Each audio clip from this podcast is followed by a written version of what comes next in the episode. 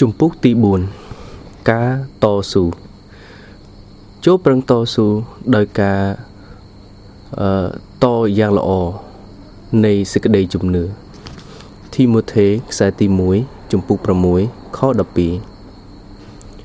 អស់អ្នកណាដែលប្រាថ្នាចង់យល់ពីនិស័យនៃសេចក្តីបរិសុទ្ធត្រូវតែយល់ថាគ្រីស្ទៀនផ្សារភ្ជាប់ នៅក្នុងតស៊ូ គឺជាសង្គ្រាមខាងប្រលឹងវិញ្ញាណមួយដែលសាវកប៉ុលបាននិយាយសម្ដៅនៅពេលដែលគាត់សរសេរទៅកាន់ធីម៉ូថេចូលប្រឹងតស៊ូដោយការតយ៉ាងល្អនៃសេចក្តីជំនឿ1សេចក្តីជឿលើព្រះគ្រីស្ទដ៏ពិតប្រាកដគឺជាការតស៊ូមួយខ្ញុំនិយាយអំពីជំនឿលើព្រះគ្រីស្ទពិត មានមនុស្សជាច្រើនហៅខ្លួនឯងថាជាគ្រីស្ទៀនតែមិនស្គាល់អ្វីទាំងអស់ពីការតស៊ូចំនួននិងការលះកាត់ខ្លួនឯងខាងប្រលឹងវិញ្ញាណប្រហែលជាពួកគេរៀបអាពាហ៍ពិពាហ៍ក្នុងនៅក្នុងព្រះវិហារកប់សពនៅក្នុងព្រះវិហារហើយហៅខ្លួនឯងថាជាគ្រីស្ទៀនប៉ុន្តែអ្នកដែល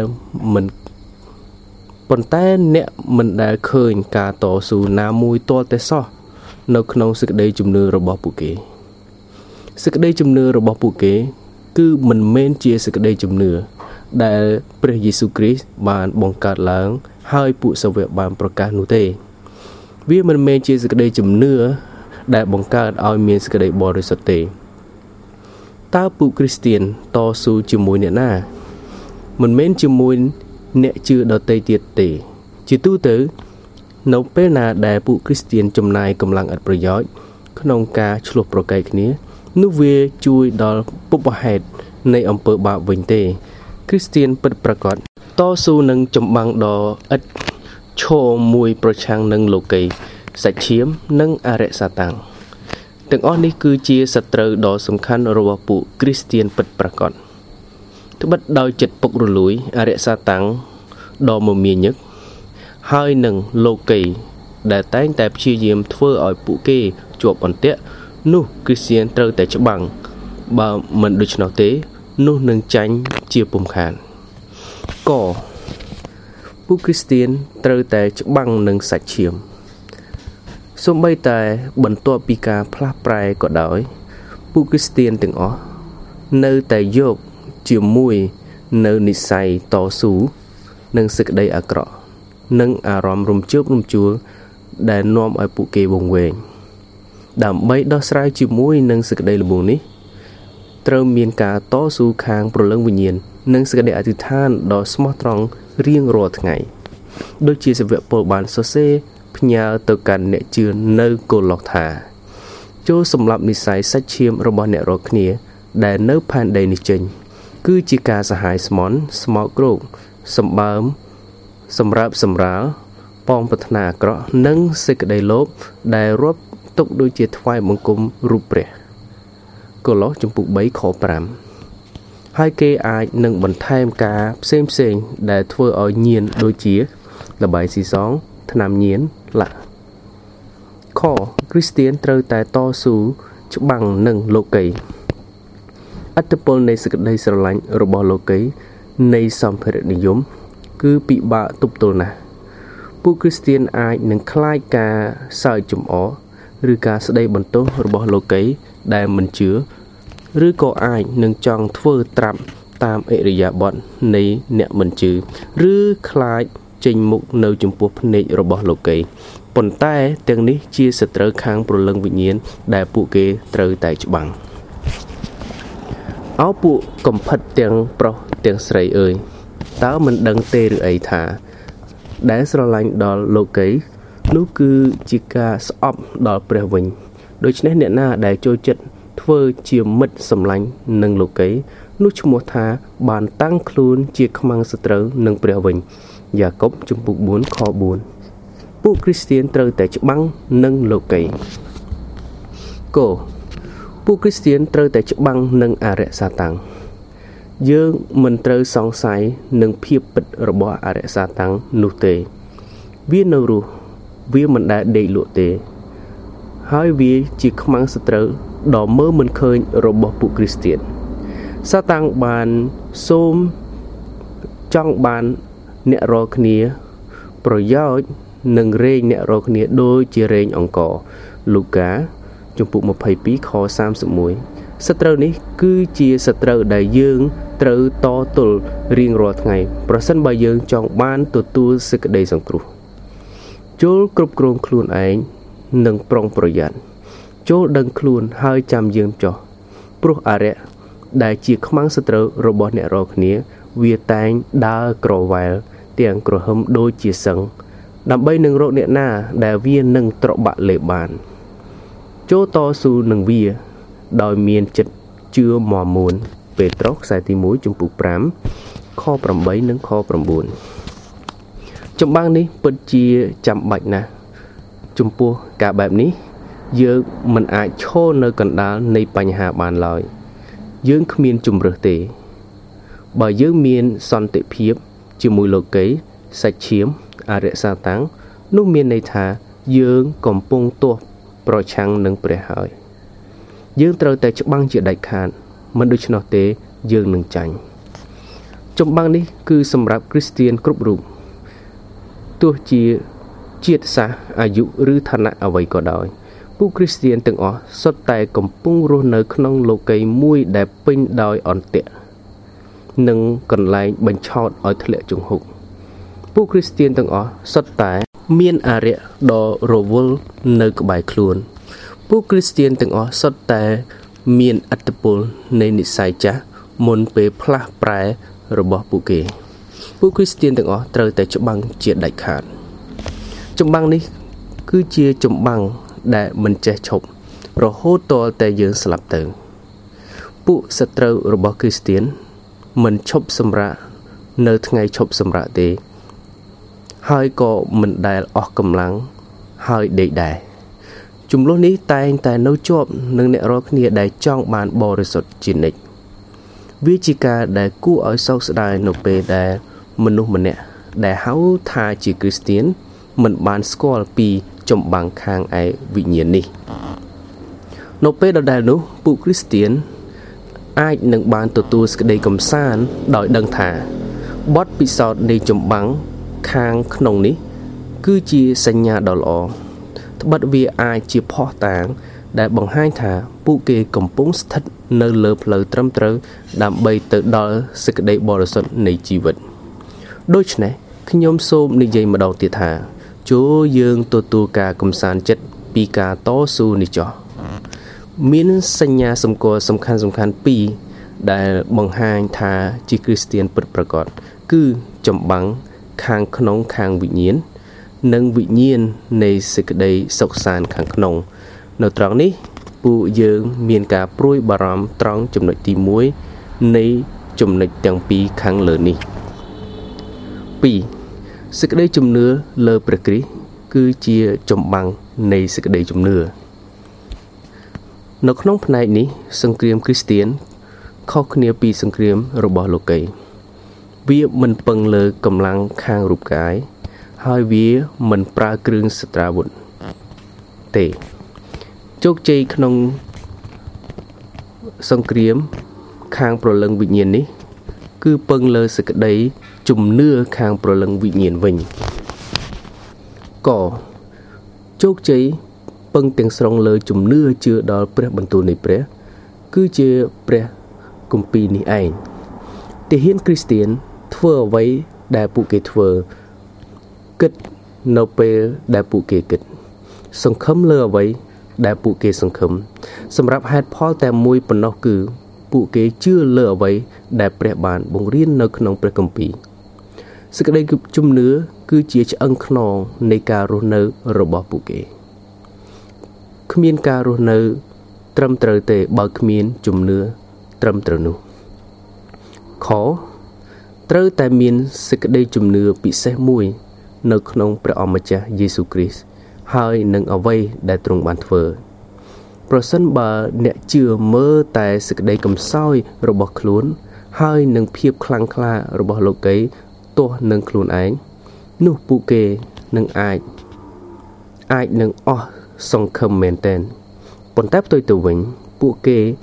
មានព្រះអង្គសង្គ្រោះដ៏មានអំណាចព្រះជាស្ដេចមួយអង្គ ដែលដោយសារយ៉ាញ់បូជាព្រះជន្មរបស់ទ្រង់ពួកគេបានទទួលសេចក្តីប្រោះលោះហើយនឹងដោយការអង្វរជំនួសរបស់ទ្រង់ពួកគេបានទទួលការថែរក្សា ហើយដោយសារទ្រង់នាំឲ្យពួកគេបានមានកម្លាំងឡើងគ្រីស្ទៀនច្បាំងយ៉ាងល្អឬមិនល្អគឺយោងទៅតាមកម្រិតនៃសេចក្តីជំនឿនេះឯងអ្នកណាដែលមានកម្រិតនៃសេចក្តីជំនឿខ្លាំងបំផុត នឹងคล้ายជាទីហ៊ានគ្រីស្ទៀនដែលសប្បាយជាងគេបំផុតមានសេចក្តីជំនឿកាន់តែខ្លាំងមានជ័យជំនះកាន់តែច្រើនខ្ញុំគិតថាគ្មានអ្វីទៀតមានតម្លៃនិងមានសារៈសំខាន់លើសជាងសេចក្តីជំនឿនេះទេចូលអានជំពូក11នៃសម្បត្តិនេះរហូតដល់កាន់គម្ពីរហេព្រើរនៅក្នុងព្រះគម្ពីរហើយមើល នឹងហើយនឹងមើលពីរបៀបនៃពួកគ្រីស្ទៀនកាលសម័យមុនខ្ជាប់ខ្ជួននឹងសេចក្តីជំនឿរបស់ពួកគេក្នុងគ្រប់ស្ថានភាព ការជឿលើព្រះយេស៊ូវដ៏មើលមិនឃើញមួយអង្គគឺជាកម្លាំងរបស់ពួកគេព្រះអង្គម្ចាស់អើយសូមទ្រង់ចម្រើនសេចក្តីជំនឿដល់យើងខ្ញុំទៀតផង3សេចក្តីជំនឿលើព្រះគ្រីស្ទ គឺជាចម្បាំង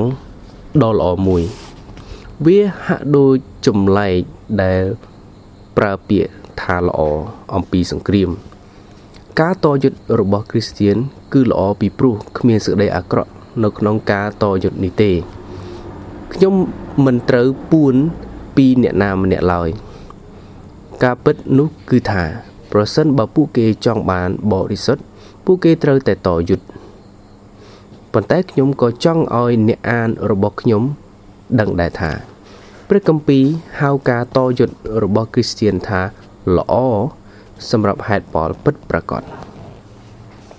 ក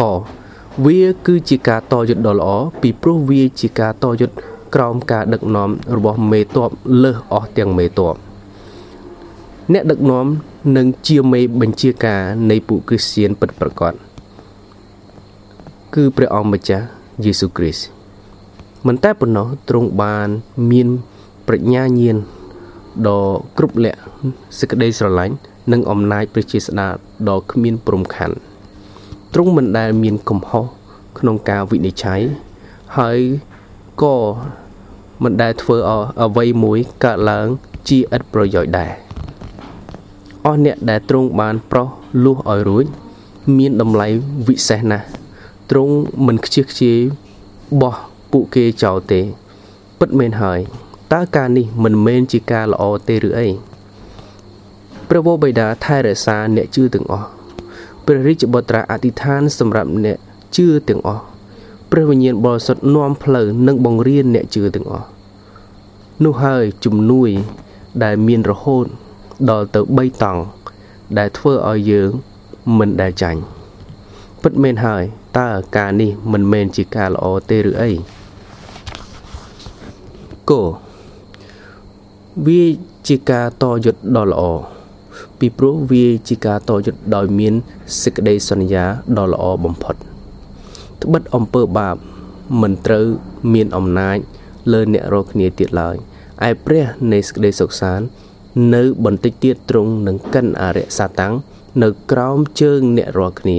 ព្រះអង្គដែលទ្រង់បានចាប់តាំងធ្វើការល្អក្នុងអ្នករាល់គ្នាទ្រង់នឹងធ្វើឲ្យកាន់តែពេញខ្នាតឡើងទាល់តែដល់ថ្ងៃនៃព្រះយេស៊ូវគ្រីស្ទរ៉ូមជំពូក6ខ14ជំពូក16ខ20ភីលីបជំពូក1ខ6ពិតមែនហើយតើការទាំងនោះមិនមែនជាសេចក្តីសន្យាដ៏ល្អទេឬអីខ វាជាការតយុទ្ធដ៏ល្អពីព្រោះវាជាការតយុទ្ធដែលមានលទ្ធផលដ៏ល្អបំផុតគ្មានទេហ៊ានរបស់ព្រះគ្រីស្ទណាម្នាក់ធ្លាប់បាត់បង់ឬស្លាប់នៅក្នុងសមរភូមិនេះឡើយដោយគ្មានការលើកលែងអ្នកណាម្នាក់គ្រប់អ្នកជឿទាំងអស់សុទ្ធតែវិសេសលើសជាងអ្នកជ័យជំនះទៅទៀតដោយសារព្រះអង្គដែលទ្រង់ស្រឡាញ់យើងរ៉ូមជំពូក8ខ37 គ្មានទាហានរបស់ព្រះគ្រីស្ទណាម្នាក់នឹងបាត់ពីនគរស្ថានសួគ៌ឡើយពិតមែនហើយតើនេះពិតជាការល្អណាស់មែនទេងការតយុទ្ធរបស់គ្រីស្ទៀនដ៏ដ៏ល្អពីព្រោះវាធ្វើការល្អចំពោះពួកអ្នកដែលប្រយុទ្ធក្នុងការតយុទ្ធនេះ សង្គ្រាមខាងលោកីនាំមកនូវសេចក្តីអាក្រក់បំផុតដល់និស្ស័យមនុស្សវាធ្វើឲ្យបញ្ញាចិត្តរឹងរូស និងបំផ្លាញសិលធម៌ប៉ុន្តែសង្គ្រាមខាងប្រលឹងវិញ្ញាណវិញនាំមកនៅសេចក្តីដ៏ប្រសើរបំផុតនៅក្នុងអ្នកជឿវានាំមកនៅការបន្ទាបខ្លួន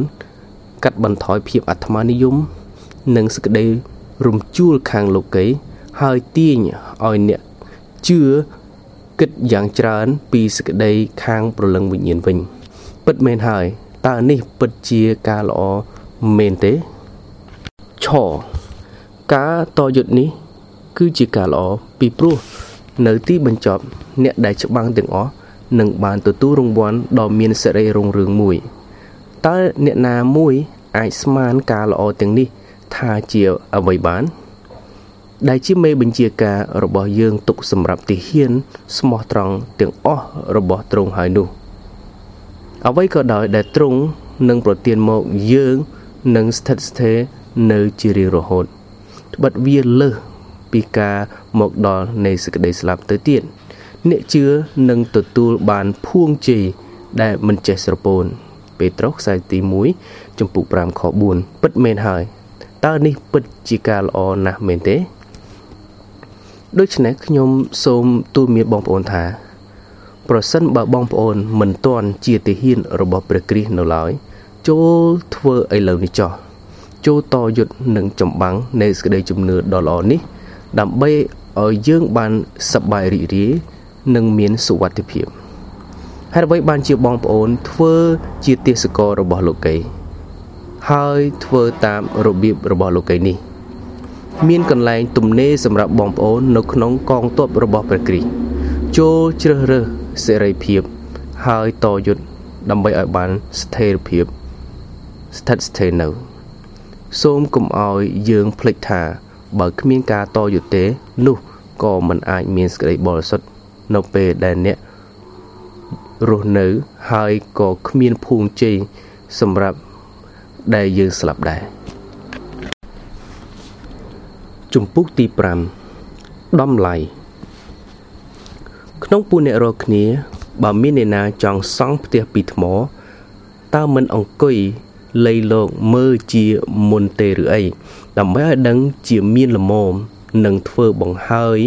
បានឬមិនបានលូកាជំពូក14ខ28វាជាសញ្ញាល្អប្រសិនបើអ្នកចង់បានបរិសុទ្ធដូចជាយើងអាច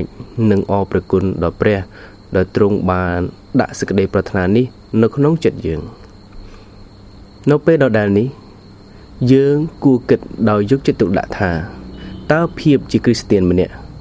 នឹងមានអតិពលលើជីវិតរស់នៅរបស់យើងយ៉ាងណា ផ្លូវដែលឆ្ពោះទៅកាន់ជីវិតដ៏អស្ចារ្យជានិច្ចរបស់ព្រះគ្រីស្ទគឺជាផ្លូវមួយដែលមានសេចក្តីកំសាន្តដ៏ល្អអស្ចារ្យ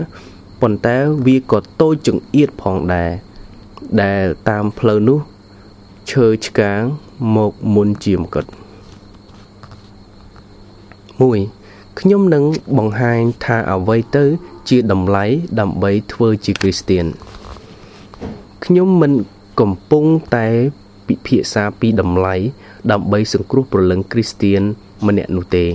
ខ្ញុំដឹងថា ការនោះមានគ្មានតម្លៃអ្វីទាំងអស់ក្រៅពីព្រះលោហិតជីវិតរបស់ព្រះរាជបុត្រានៃព្រះ ដែលបានប្រទានមកទុកជាទីសន្តោសប្រោសសម្រាប់អំពើបាប ហើយនឹងដើម្បីប្រោះលោះមនុស្សម្នាក់ឲ្យរួចពីស្ថាននរកខ្ញុំចង់ពិចារណាពីអ្វីដែលពួកអ្នកជឿត្រូវត្រៀមខ្លួនជាស្រេចក្នុងការលះបង់ដើម្បីជីវិតមួយនៃការបំរើរបស់ព្រះគ្រីស្ទវិញខ្ញុំទទួលស្គាល់ថា វាមានតម្លៃតិចណាស់បើគ្រាន់តែធ្វើជាគ្រីស្ទៀនដែលមានតែឈ្មោះនោះ ការមកឯកន្លែងមួយដើម្បីថ្វាយបង្គំនៅថ្ងៃអាទិត្យ ហើយការដឹងខុសត្រូវខាងសិលធម៌កំឡុងពេលមួយសប្តាហ៍នោះគ្មានតម្លៃហើយងាយស្រួលណាស់ក្នុងសេចក្តីជំនឿជឿដល់ព្រះគ្រីស្ទព្រោះមិនមានការ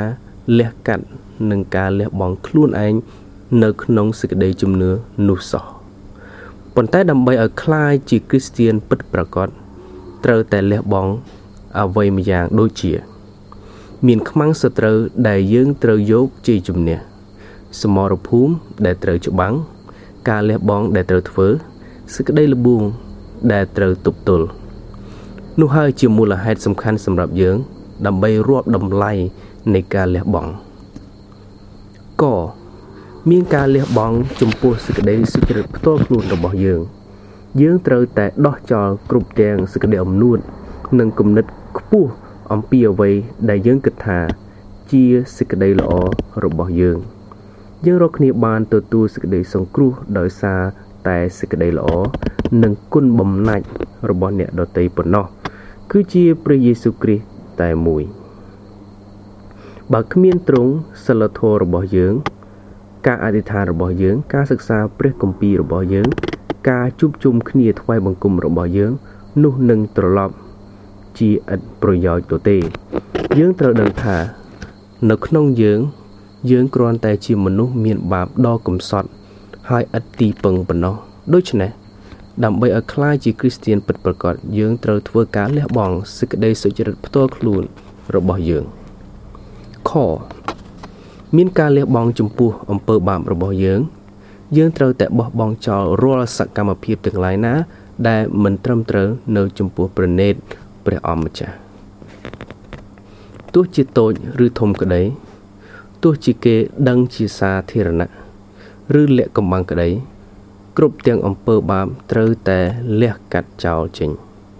ជួបបំបត្តិអំពើអាក្រក់ដែលឯងរាល់គ្នាប្រព្រឹត្តពីភ្នែកអញចេញហើយលែងប្រព្រឹត្តអំពើអាក្រក់ទៅ ចូលហាត់រៀនធ្វើការល្អវិញអេសាយជំពូក1ខ16 17 ជាញឹកញាប់អំពើបាបប្រៀបដូចជាកូន ជាទីស្រឡាញ់របស់យើងអញ្ចឹងយើងស្រឡាញ់វាយើងអោបវាតោងវាហើយមានសេចក្តីរីករាយនៅក្នុងវាព្រះគ្រីស្ទសពប្រហារតីទទួលមនុស្សមានបាបប៉ុន្តែទ្រង់នឹងមិនទទួលពួកគេទេ ប្រសិនបើពួកគេនៅតែតោងជាប់អំពើរបស់ពួកគេនោះដើម្បីឲ្យคล้ายជាគ្រីស្ទៀនពិតប្រាកដ គឺត្រូវលះបង់អំពើបាបរបស់ខ្លួនចោលចេញមានការលះបង់ចំពោះសេចក្តីស្រឡាញ់ដ៏ភាព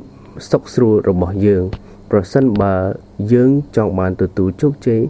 ក្នុងការធ្វើដំណើរឆ្ពោះទៅកាន់នគរស្ថានសួគ៌ការខំប្រឹងប្រែងដ៏ឥតឈប់ឈរពិតជាមានភាពចាំបាច់ណាស់យើងត្រូវតែប្រុងប្រយ័ត្ន ក្នុងអកប្បកិរិយា របស់យើងគ្រប់វិនាទី គឺប្រុងប្រយ័ត្នចំពោះគំនិត ពាក្យសម្ដី និងទង្វើ យើងនឹងត្រូវការប្រុងប្រយ័ត្នពីសក្តិអធិដ្ឋានរបស់យើង ក្នុងការសិក្សាព្រះគម្ពីររបស់យើង ការប្រើប្រាស់មធ្យោបាយនៃព្រះគុណរបស់យើងនេះក៏ស្ដាប់ទៅហាក់ដូចជាការទូមានដ៏ពិបាកផងដែរ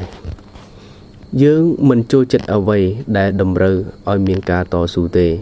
ប៉ុន្តែយើងមិនអាចទទួលបាននៅអ្វីទាំងអស់បើសិនគ្មានការឈឺចាប់ដើម្បីឲ្យคล้ายទៅជាគ្រីស្ទៀនពិតប្រាកដយើងត្រូវលះបង់ការរស់នៅដ៏សុខស្រួលរបស់យើងខវាអាចនឹងធ្វើឲ្យយើងលះបង់ប្រជាភ័យប្រយភាពជាមួយអ្នកចិត្តខាង ប្រសិនបើគោលបំណងសំខាន់របស់យើង គឺដើម្បីផ្គប់ព្រះハរតីព្រះនោះយើងត្រូវតែទទួលនៅអារម្មណ៍មិនល្អពីអ្នកដទៃមនុស្សអាចនឹងបដិសេធយើងទុកដូចជាមនុស្សឆោតល្ងង់ឬពួកជ្រុលនិយមព្រះយេស៊ូវបានមានព្រះបន្ទូលថាចូលនឹកចាំពីពាក្យដែលខ្ញុំបានប្រាប់រួចហើយថាបាវមិនមែនធំជាងចង្វាយទេ បើគេបៀតបៀនដល់ខ្ញុំ នោះគេ និងបៀតបៀនដល់អ្នករាល់គ្នាដែរយ៉ូហានជំពូក15ខ20នេះនឹងពិតជាពិបាកទ្រាំវាតែងតែជាការដែលមិនសប្បាយដែលត្រូវគេនិយាយប្រឆាំងប៉ុន្តែត្រូវតែទ្រាំនឹងការនោះ ដើម្បីคล้ายទៅជាគ្រីស្ទៀនប្រកបអាចនឹងលះបង់អារម្មណ៍ល្អ ដោយព្រោះអ្នកចិត្តខាងដែលមិនមែនជាគ្រីស្ទៀនរបស់យើងចូលយើងចងចាំថាសេចក្តីជំនឿមួយដែលគេមិនត្រូវលះបង់អ្វីទាំងអស់គឺមិនមានតម្លៃអ្វីទាំងអស់គ្រីស្ទៀនដែលមិនហ៊ានលះបង់ហើយគ្មានឈើឆ្កាងនៅទីបំផុតនឹងត្រឡប់ជាគ្រីស្ទៀនដែលឥតប្រយោជន៍ហើយគ្មានមកុដ2 ខ្ញុំនឹងបង្ហាញអ្នកពីមូលហេតុការថាការរាប់តម្លៃនៃការលះបង់មានសារៈសំខាន់ មានមនុស្សមួយក្រុមកំពុងតែរាប់តម្លៃនៃការលះបង់ក្នុងការធ្វើជាគ្រីស្ទៀនពិតប្រាកដម្នាក់ថាជាការសំខាន់ណាស់គេមិនល្ងីល្ងើ នៅក្នុងសេចក្តីជំនឿនោះទេ ពួកគេដឹងច្រើនពីសេចក្តីជំនឿនោះប៉ុន្តែសេចក្តីជំនឿរបស់គេមិនខ្លាំងប្រហែលជាពួកគេមានចំណេះដឹងពីបទពិសោធន៍ឬតាមគេ មិនមែនពីបទពិសោធន៍ផ្ទាល់ខ្លួនឯងប្រហែលជាពួកគេកើតមកក្នុងគ្រួសារដែលកាន់តាមជំនឿនោះប៉ុន្តែ មនុស្សប្រភេទនោះកំពុងស្ថិតក្នុងសភាពគ្រោះថ្នាក់ហើយត្បិតសេចក្តីជំនឿរបស់ពួកគេតម្រូវឲ្យមានការប្រឹងប្រែងតិចតួចប៉ុណ្ណោះពីពួកគេ នៅពេលដែលពួកគេឈានចូលចិត្តចុងបញ្ចប់នៃជីវិត ពួកគេខំព្យាយាមធ្វើការប្រឹងប្រែងខ្លះជាចុងក្រោយ ដើម្បីបែរមករកឯព្រះពេលនោះពួកគេនឹងមានអារម្មណ៍ថា ការប្រែចិត្តគឺមិនស្រួល ដូចជាអ្វីដែលពួកគេបានគិតឡើយមនុស្សទាំងអស់នេះត្រូវពិនិត្យមើលគំរូនានានៅក្នុងព្រះគម្ពីរអំពីពួកអ្នកដែលមិនបានរាប់តម្លៃនៃការលះបង់ពេញលេញនៅអ្វីដែលព្រះទាមទារហើយនៅទីបំផុតពួកគេបានស្លាប់នៅក្នុងអំពើបាបរបស់ខ្លួនកកូនចៅអ៊ីស្រាអែលរាប់ពាន់នាក់បានស្លាប់ ក្នុងទីរហោស្ថាន នៅចន្លោះប្រទេសអេស៊ីបនិងទឹកដីកាណាន ដោយព្រោះពួកគេមិនបានរាប់តម្លៃនៃការលះបង់ពួកគេបានចាក់ចេញពីប្រទេសអេស៊ីបដោយមានចិត្តចង់និងពោពេញដោយធម៌ពលពួកគេបានគិតថាទឹកដីសន្យានឹងជារបស់ពួកគេភ្លាមប៉ុន្តែនៅពេលដែលពួកគេជួបការលំបាកចិត្តដែលពោពេញ ដោយធម៌ពល បានចេញពីពួកគេ ហើយសេចក្តីក្លាហាន បានបាត់ទៅ ពួកគេមិនបានរាប់តម្លៃនៃការលះបង់ឡើយពួកគេបានបាត់សេចក្តីជំនឿហើយបានស្លាប់ក្នុងអំពើបាបរបស់ពួកគេខដោយការចង់រាប់តម្លៃនៃការលះបង់មនុស្សជាច្រើនដែលបានស្ដាប់ព្រះអម្ចាស់យើងមួយរយៈដកខ្លួនថយចេញមិនតាម ទ្រង់ទៀតយ៉ូហានជំពូក6ខ66ពួកគេបានឃើញការអស្ចារ្យពីមុនមក ហើយគេគិតថានគរព្រះនឹងលេចមកភ្លាមប៉ុន្តែនៅពេលដែលពួកគេដឹងថា មានការបង្រៀនដ៏ពិបាកដែលត្រូវឲ្យពួកគេជឿនឹងការពិបាកដែលត្រូវឲ្យពួកគេជឿនឹងធ្វើសេចក្តីជំនឿ របស់ពួកគេបានធ្លាក់ដួល ពួកគេមិនបានរាប់តម្លៃនៃការលះបង់គោដោយការចង់រាប់តម្លៃនៃការលះបង់ស្ដេចហេរ៉ូតបានត្រឡប់ទៅរកអំពើបាបចាស់របស់គាត់វិញហើយការនោះក៏បានបំផ្លាញប្រលឹងគាត់ទៅគាត់បានឮលោកយ៉ូហានបាទីសប្រកាស ក៏ហើយក៏បានចូលចិត្តនៅអ្វីដែលគាត់បានឮដែរគាត់មានការចាប់អារម្មណ៍ព្រមទាំងបានលើកដំកើងលោកយ៉ូហាន ជាមនុស្សបរិសុទ្ធម្នាក់ប៉ុន្តែសេចក្តីជំនឿរបស់គាត់មិនអាចគ្រប់គ្រងសេចក្តីស្រាបស្រាលរបស់បានឡើយ ហើយក៏មិនព្រមទទួលយកការរិះគន់ពីភ្ញៀវរបស់គាត់ដែរម៉ាកុសចំពុក6ខ19ដល់ខ28 គាត់មិនបានរាប់តម្លៃលះបង់នៃការរស់នៅទៅតាមសេចក្តីបង្រៀនដ៏បរិសុទ្ធរបស់លោកយ៉ូហានទេខដោយការចង់រាប់តម្លៃនៃការលះបង់ដាម៉ាស់បានចាក់ចេញពីសាវកពលពីព្រោះគាត់មិនចង់បោះបង់មិត្តភាពនៃលោកីនេះដើម្បីឲ្យមានមិត្តភាពជាមួយនឹងព្រះសាវកពលបានសរសេរថាត្បិតអ្នក ដេម៉ាបានលះបង់ចោលខ្ញុំហើយ ដោយគាត់ស្រឡាញ់លោកីនេះ ធីម៉ូថេខ្សែទី2ចំពុក4ខ10នេះគឺជាការច្បាស់ណាស់ថាដេម៉ាស់មិនបានរាប់តម្លៃនៅពេលដែលគាត់ចូលមកក្នុងក្រុមការងាររបស់សាវកពលទេងដោយព្រោះការចង់ឲ្យរាប់តម្លៃនោះ មនុស្សជាច្រើន ដែលបានលើការអធិប្បាយដ៏មានអំណាចហាក់ដូចជាត្រូវបានផ្លាស់ប្ដូរមួយរយៈពួកគេឆេះឈួលក្នុងការប្រកាសពីបទពិសោធន៍ខាងប្រលឹងវិញ្ញាណមួយ ដែលពួកគេមិនស្គាល់ពិតប្រាកដហើយនៅពេលដែលប្រឡំលោកនេះចប់ទៅ គេក៏ចាក់ចេញពីពួកជំនុំនៃអ្នកជឿម៉ាថាយជំពូក13ខ20ខ21ពួកគេ មិនបានរាប់តម្លៃនោះទេចដោយព្រោះការចង់ឲ្យរាប់តម្លៃនោះ មនុស្សជាច្រើនហាក់ដូចជាបានផ្លាស់ប្រែនៅឯមហាសន្និបាតហើយនឹងពន្ធកិច្ចដំណឹងល្អធំធំ តែគេទទួលបរាជ័យក្នុងការរក្សាសេចក្តីជំនឿរបស់ពួកគេ គេមិនបានយល់ថាសេចក្តីជំនឿ គឺលើសពីការដែលមានអារម្មណ៍ចង់មកឯព្រះគ្រីស្ទទេ ពេលមួយពួកគេភ្ញាក់ខ្លួនថា មានឈើឆ្កាងមួយដែលពួកគេត្រូវលី ដែលចិត្តរបស់យើង ជាគ្រឿងបញ្ឆោតហើយថាសាតាំងគឺតែងតែនៅចិត្តយើងជានិច្ចពួកគេបែរទៅរករបៀបរស់នៅដែលគ្មានព្រះគ្រីស្ទវិញ ពួកគេមិនដែលរាប់តម្លៃឡើយ ម៉ាថាយជំពូក13ខ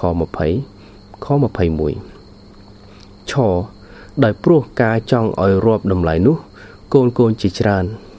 ដែលមានឪពុកម្ដាយជាគ្រីស្ទៀនខកខានមិនបានរីកចម្រើន ជាគ្រីស្ទៀនខ្លួនឯងផ្ទាល់ជារឿយរឿយពេលដែលគេនៅក្មេងគេស្គាល់ពីសេចក្តីពិតនៃព្រះគម្ពីរប៉ុន្តែពួកគេគ្មានបទពិសោធន៍ជាមួយនឹងសេចក្តីពិតទាំងនោះពិតប្រាកដទេ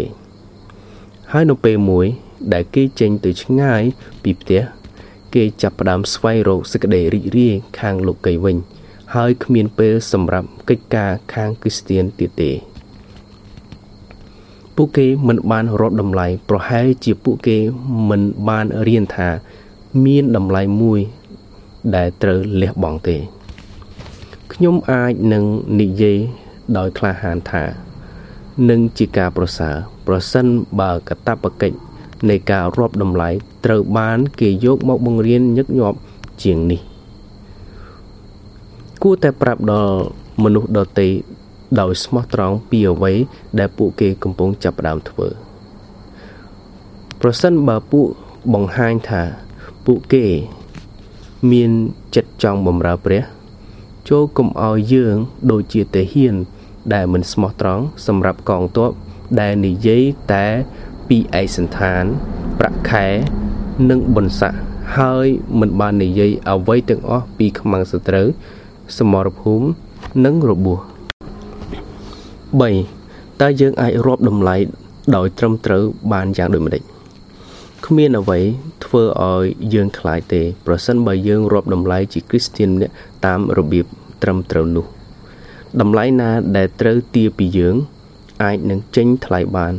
ប្រសិនបើសេចក្តីជំនឿរបស់យើងរងមាំយើងត្រូវតែអានពីទូអង្គនៅក្នុងព្រះគម្ពីរដូចជាលោកណូអេម៉ូសេនិងសាវកពល ដើម្បីឲ្យដឹងថា បើគ្មានសេចក្តីជំនឿរឹងមាំនៅក្នុងជាម្ចាស់ទេ នោះតម្លៃដែលទ្រង់ទៀមទានឹងធំពេកមិនអាចបង់ថ្លៃបានជាមិនខាន វាអាចនឹងមានតម្លៃច្រើនណាស់ដើម្បីឲ្យបានត្រឡប់ជាគ្រីស្ទៀនពិតប្រាកដម្នាក់ប៉ុន្តែបើផ្ទុយពីនោះយើងច្បាស់ជាដាក់ចោលរង្វាន់នៃសេរីល្អរបស់នគរស្ថានសួគ៌ហើយកដូច្នេះចូលយើងប្រៀបធៀបចំណេញនឹងខាត យើងនឹងអាចខាតបង់របស់ដ៏បណ្ដោះអាសន្នខាងលោកីនេះប៉ុន្តែ យើងបានចំណេញសេចក្តីសង្គ្រោះដល់នៅអកលនៃប្រលឹងវិញ្ញាណរបស់ពួកយើងវិញខចូលប្រៀបធៀបការសរសើរនិងការបន្ទោសអ្នកដតីអាចនឹងបន្ទោសអ្នកប៉ុន្តែក្នុងនាមយើងជាកូនរបស់ទ្រង់យើងមានការសរសើរពីព្រះជាម្ចាស់គោចូលប្រៀបធៀបមិត្តនឹងខ្មាំងសត្រូវ នៅម្ខាងដៃ ជាអរិយសតាំងនិងមនុស្សអាក្រក់ប៉ុន្តែ នៅម្ខាងទៀតគឺជាការគ្រប់គ្រងនិងមិត្តភាព ជាមួយព្រះអម្ចាស់យេស៊ូវគ្រីស្ទដែលទ្រង់បានយកឈ្នះលើអរិយសតាំងខចូលប្រៀបធៀបជីវិតបច្ចុប្បន្ននេះ និងជីវិតដែលត្រូវមកអាចនឹងមានការតស៊ូនឹងការលបងលោផ្សេងផ្សេងនៅបច្ចុប្បន្ននេះ ប៉ុន្តែមានរយៈពេលតែប៉ុន្មានឆ្នាំប៉ុណ្ណោះតែមានជីវិតអស់កាលនៃស្ថានសួគ៌ជាកន្លែងដែលគ្មានបាបគ្មានការតស៊ូនិងគ្មានការលបងលោវិញងចូលប្រៀបធៀបសេចក្តីរីករាយនៃអំពើបាប និងព្រះពរនៃការបម្រើព្រះសេចក្តីរីករាយខាងលើនេះមិនដែលធ្វើឲ្យស្កប់ស្កល់បានទេសេចក្តីរីករាយនោះ បំភ្លឺបានតែមួយផ្លែតហើយក៏បាត់ទៅវិញសេចក្តីរីករាយទាំងនោះពឹងយ៉ាងខ្លាំង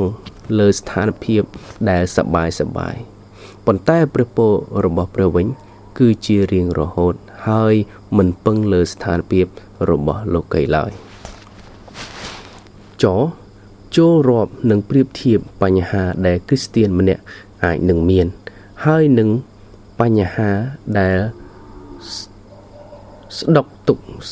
សម្រាប់ពួកថ្មិលល្មើស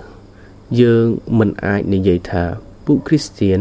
ត្រូវបានហៅមកសម្រាប់ការរងទុក្ខឡើយបើប្រៀបធៀបនឹងសេចក្តីក្រោធដ៏អស់កលរបស់ព្រះ លើពួកមនុស្សអាក្រក់នោះ ជាញឹកញាប់ការទាំងអស់មិនត្រូវបានបំពេញត្រឹមត្រូវឬក៏មិនបានធ្វើសោះមនុស្សជាច្រើនមិនអាចសម្រេចចិត្តថា តើគួរបំរើព្រះគ្រីស្ទឬយ៉ាងណា អាចកំបាំងនៃការរាប់តម្លៃតាមរបៀបត្រឹមត្រូវ គឺត្រូវតែមានសេចក្តីជំនឿរឹងមាំខ្ញុំសូមទូន្មានដល់បងប្អូនអ្នកអាន សូមឲ្យពិចារណាថាតើសេចក្តីជំនឿរបស់អ្នកបច្ចុប្បន្ននេះ ធ្វើឲ្យអ្នកលះបង់អ្វីខ្លះខ្ញុំសូមទូន្មានសូមឲ្យពិចារណាថាព្រះជាម្ចាស់បាន លះបង់អ្វីខ្លះដើម្បីនាំសេចក្តីសង្គ្រោះមកមនុស្សមានបាបក្នុងលោកីនេះសូមឲ្យពិចារណាពីរបៀបហើយនឹងពេលដែលលោកអ្នកនៅក្នុងសេរីល្អនៃនគរស្ថានសួគ៌ហើយលោកអ្នក